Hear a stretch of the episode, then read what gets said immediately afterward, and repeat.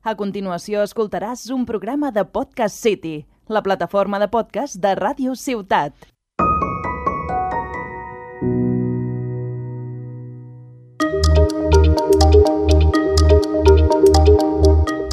Hola, benvinguts i benvingudes al racó dels Global Goals, el podcast de Jove Cambra Internacional de Raus.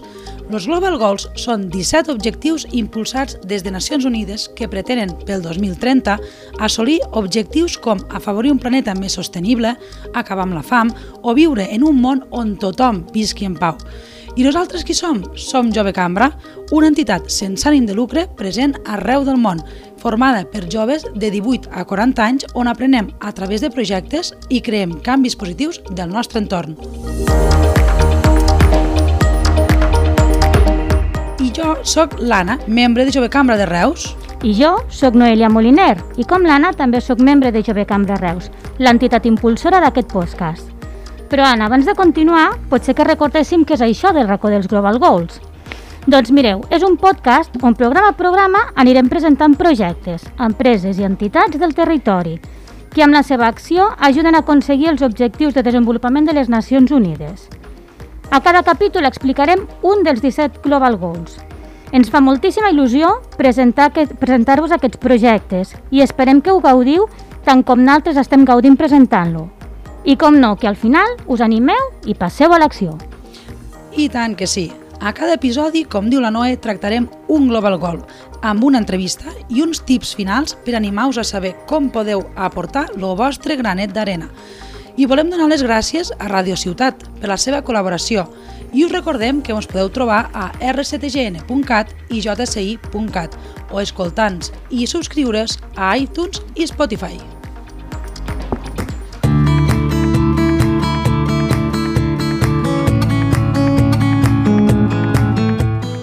En este tercer podcast tractarem el Global Goal número 10, reducció de les desigualtats. Primer que tot, repassarem en què consisteix este Global Goal. Este Global Goal mos condueix a, don a no deixar ningú enrere, principi transversal en tota l'agenda 2030. La reducció de les desigualtats exigeix un canvi transformador. Cal redoblar els esforços per erradicar la pobresa extrema i la fam, invertir més en salut, en educació, en protecció social i ocupació decent, especialment a favor de la gent jove, les persones migrants i altres col·lectius vulnerables. Aquest objectiu aborda la inclusió social, econòmica i política de totes les persones, forjant vincles i trencant barreres d'edat, de gènere, classe, capacitats, llengua, origen o orientació sexual. I per parlar de tot això, avui ens acompanya Jordi Cervera, un jove activista, coimpulsor de l'associació EAE, col·laborador d'Open Arms i també membre de Jove Cambra de Reus. Bones, Jordi! Hola, salutacions a tots i a totes. Bona tarda. Moltes gràcies. Actualment, Jordi i l'associació a la qual pertany estan impulsant la construcció de gimnasos esportius en zones on hi ha moltes persones en trànsit, que ara ens explicarà què és. Primerament, Jordi, què és EAE i com naix? Bé, eh, EAE és una associació, Associació Educa Apren Esport, que com doncs, diuen la, les pròpies inicials, el que volem és ensenyar els valors de l'esport i a través d'aquesta pràctica terapèutica que pot ser l'esport, doncs, ajudar a totes aquelles persones que, que puguem. Majoritàriament, eh, nosaltres ens dirigim a persones que estan en trànsit, sobretot el nostre projecte comença amb persones refugiades a l'illa grega de Lesbos, i acaba creix, el, el projecte neix el 2016, si mal no recordo, i fins avui en dia encara estem lluitant, de fet avui estem d'estreno, portem una bona notícia que més endavant també us comentarem, però sobretot és això, nosaltres cre... neixem o ens creem el 2016 com a un programa de jove cambra internacional de Reus, i gràcies a aquesta iniciativa, a l'empenta de, de moltes persones que porten el seu petit gra de sorra, doncs aconseguim arribar fins, a, fins al dia d'avui, donant un cop de mà a les persones que més ho necessiten a través de l'esport. I Jordi, explica'ns, quines són les accions principals que, que feu a la vostra associació? De, des de l'associació Educa Pren Esport, eh, com hem dit abans, no? treballem sobretot amb l'esport, però hem fet moltes altres accions. Eh, hem estat presents a Lesbos durant pràcticament 3 anys, on anàvem i veníem i fèiem dos estades mínimes cada any de 15 dies cada estada, i allà doncs, fèiem des de vigilàncies nocturnes per, per controlar el flux d'embarcacions que venien, per poder donar una bona assistència a aquestes persones que arribaven. Fèiem repartiment també de, de roba, de material, eh, d'ajuda humanitària en generalitzada dins dels camps de Mòria i Karatepe, però sí que és veritat que ens hem, ens hem especialitzat en el tema de doncs, construir gimnasos o entorns esportius per totes aquelles persones doncs, que poden fer-ne un ús. No? no només com el tema de fer esport, sinó com a crear comunitat, crear doncs, una petita família que aquestes persones doncs, moltes vegades l'han perdut. Arriben sols, sense conèixer ningú a la illa, i clar, el fàcil que és doncs, que puguis eh, ser captat per alguna associació que no té masses bons fons, doncs mm, generalment estem parlant de màfia, no? Llavors, clar, si a través de l'esport tu aconsegueixes conèixer persones o aconsegueixes trobar gent que comparteix els teus interessos, és molt, fa és molt més fàcil que puguis reconduir o que puguis seguir amb el teu objectiu a la vida, no? I tant, l'important que és tindre al final este recolzament que normalment és la família uh mhm. -huh. i quanta gent al món ha perdut este punt, este, este, este punt d'apollo i per tant ho necessita i altres doneu este, este espai no? per no perdre's. Exacte. Importantíssim. Comentes el tema dels gimnasos i ho comentes com uh mhm. -huh. si fos fàcil muntar un gimnàs en un espai així, però com gestioneu tot el tema instal·lacions, drets, eh, mhm. -huh. permisos... Bé, el, el primer gimnàs que vam muntar, que va ser el de, el de Lesbos, el vam muntar doncs ara farà un any i mig aproximadament, dos anys. Jo vaig estar sis mesos a Lesbos aproximadament, va vindre el, un, un familiar meu molt proper i entre els dos estan allà vam veure que realment el que feia falta era obrir un gimnàs feia falta un lloc on practicar l'esport, eh, refugiats de la intempèrie, eh, si plovia, si feia molt de sol, que normalment a les illes sol haver-hi aquest, eh, aquest, eh, doncs aquests fenòmens meteorològics, no es podia fer esport. Si el dia que plovia massa, no hi havia esport. El dia que feia molta calor, no es podia fer esport. Si feia molt de fred, no hi havia esport. Ostres! I per què aquests nois i noies que volen fer-ho no poden fer-ho només perquè tenen aquesta, aquesta etiqueta, aquest estigma de la societat de són refugiats. No? Aquesta igualtat espera una miqueta només pel fet d'estar vivint en un camp de refugiats ja no poden eh, tindre els mateixos beneficis o les mateixes activitats que nosaltres fem. Llavors doncs, vam decidir començar a moure el tema d'un gimnàs. Nosaltres, com que teníem una estada determinada, o sigui, limitada, no sabíem si estaríem un mes, dos mesos, un any o dos, però sabíem que hauríem de tornar cap a casa. No? Vam buscar una entitat, una associació que estigués a la illa permanent, Allà vam conèixer a l'Estel, que ella és la, la directora, la mànager de Yoga and Sport for Refugees, i amb ells doncs, arribem amb aquest, eh, amb aquest uh, conveni de dir nosaltres us ajudem a muntar el gimnàs, eh, posant els mitjans econòmics o comprant les màquines o pagant una part eh, del lloguer del gimnàs i a partir d'aquí vosaltres heu d'encarregar doncs, que això segueixi treballant i segueixi funcionant dia a dia. Nosaltres vam complir la nostra part i he de dir que Yoga Sport ha complert la seva amb matrícula d'honor. I Jordi, mm, ens estaves explicant doncs, que Valtes tenia una part important de col·laboració, que era aquest, aquest suport no, a, a, a, la, a la maquinària. Uh -huh. Valtres, a la vostra associació, heu rebut algun tipus de col·laboració? Com us heu organitzat per poder complir aquesta part tan important vostra? Bueno, al final el, la, les aportacions que nosaltres rebem m'agradaria poder dir que són doncs, que la que els organismes públics ens ajuden, però no és així. Al final has de tirar de, de donacions privades, sobretot, i hem de donar gràcies a totes aquelles persones que ens han ajudat amb petites aportacions o amb aportacions més grans, eh, perquè aquestes persones són les que realment han fet que això sigui real i que puguem dir que avui tenim dos gimnasos oberts a, a, a tota Grècia, un a Lesbos i, i l'altre a Atenes, però bueno, abans d'entrar ho comentàvem, jo recordo molt la, la primera donació que vam rebre, que va ser doncs, per part d'un amic molt especial de, doncs, de Jove Cambra i nostra. Eh, L'Anna ja està vinculada directament doncs, perquè van ser ella i la seva parella que van decidir involucrar-se i jo recordaré sempre doncs, aquesta, la primera donació que vam rebre d'una persona privada que nosaltres dèiem, ostres, però com serà això? La gent realment confiarà en aquest projecte? Voldrà sensibilitzar-se? Voldrà donar un cop de mà a aquestes persones? I quan realment reps aquesta ajuda, veus que és factible, que és possible. No? I des d'aquí, evidentment, donar les gràcies a totes les persones que han confiat en el projecte, que han fet viable que avui puguin haver dos gimnasos funcionant, però sobretot les gràcies a Jove Cambra i, i a l'Anna, que sempre ha estat allà al peu del canó. bueno, això no ens esperàvem aquí tocant la fibra sensible. Gràcies, Sempre. Jordi, a tu per tirar endavant este projecte, perquè al final eh, està clar que sense que algú tirés endavant esta locura que era quan ens vau contar, uh -huh. no, tindria, no, no, no haguéssim pogut invertir en res. I des d'aquí animem a tothom a, a invertir en, en projectes com el vostre. Al final recordarem com ho poden fer, com us poden trobar, a on, per a, per a invitar la gent a, a fer això, perquè al final de vegades un petit granet d'arena és aquell puix que necessita un projecte per continuar. I com tu dius, per veure que allò és viable. Perquè primer tot és una locura, uh -huh. hasta que se li veu la viabilitat. Uh -huh. Gràcies, Jordi, per, pel teu agraïment.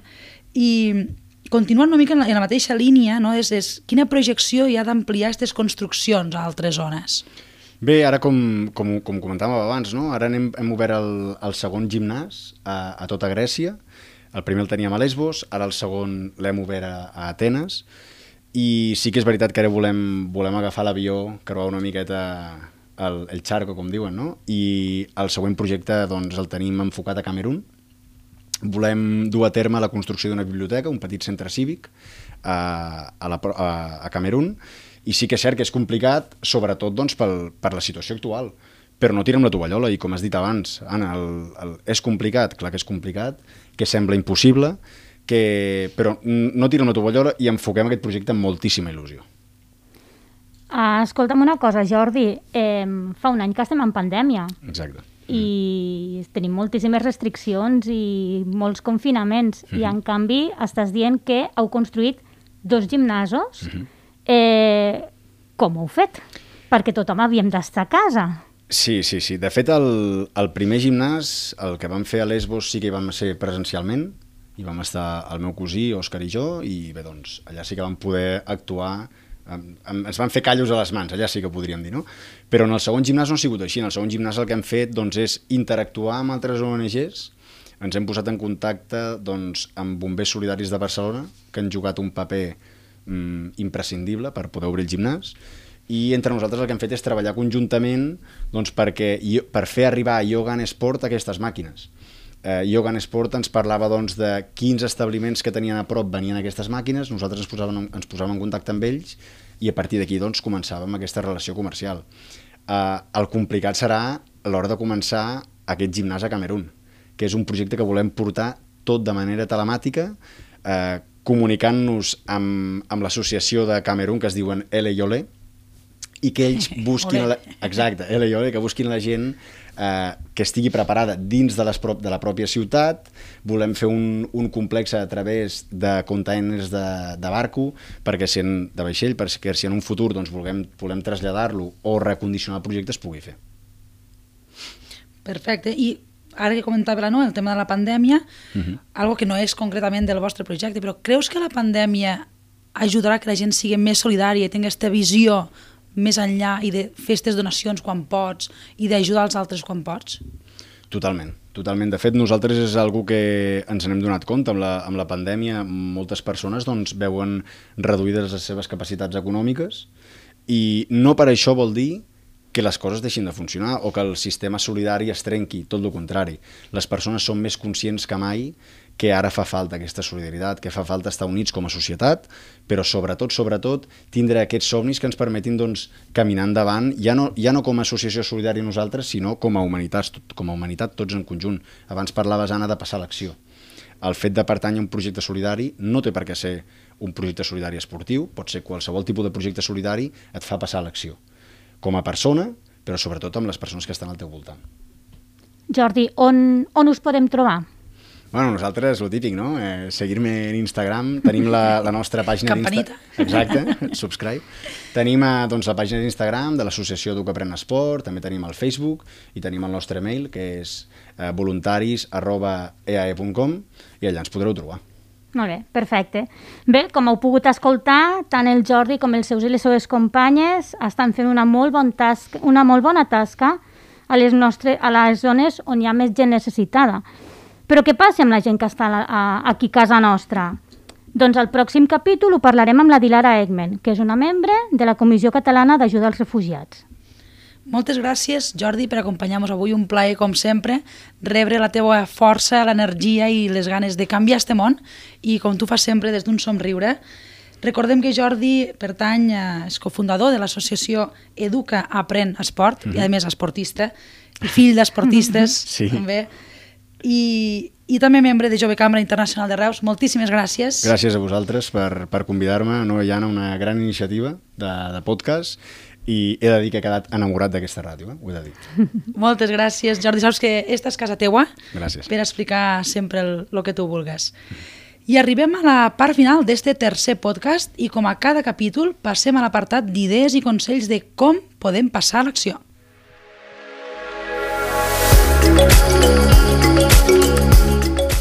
Respecteu tot tipus de persones, amb formes d'actuar diferents a la vostra. Animeu als vostres fills i filles a tenir amistats de diferents cultures, ètnies i capacitats. Participeu en activitats de lleure o formatives que us permetin conèixer altres realitats socials o culturals. Col·laboreu, col·laboreu amb entitats del vostre municipi o territori que treballin a favor de la reducció de les desigualtats, com poden ser la Casa Misericòrdia de Reus, el Centre de Normalització Lingüística, on podeu fer intercanvi de la llengua catalana i així conèixer també altra gent, ONGs com la que, la que acabem de conèixer, Educa Aprèn Esport, Reus Refugi, Càritas, Creu Roja o, com comentava abans Jordi també, Bombers Solidaris. Lluiteu contra estereotips i contribuïu a desmuntar els rumors, que són el germen d'actituds racistes i pràctiques discriminatòries que fomenten la por i la desconfiança entre les persones. I hasta aquí este tercer capítol del racó dels Global Goals. Esperem que us hagi agradat i us hagi inspirat. El nostre nom és Anna Frisac. I Noelia Moliner. Moltes gràcies per acompanyar-nos. Us, us animem a seguir-nos a través de les nostres xarxes de Jove Cambra de Reus i Ràdio Ciutat de Tarragona a Facebook, Instagram i Twitter. I us esperem al pròxim capítol on seguirem parlant de la, de la reducció de les desigualtats. I si us ha agradat este contingut, us animem a compartir-lo tantes vegades com vulgueu. I sobretot recordeu que la més petita de les accions té més impacte que la major de les intencions. Cuidem el planeta, que és el que tenim. Fins la propera!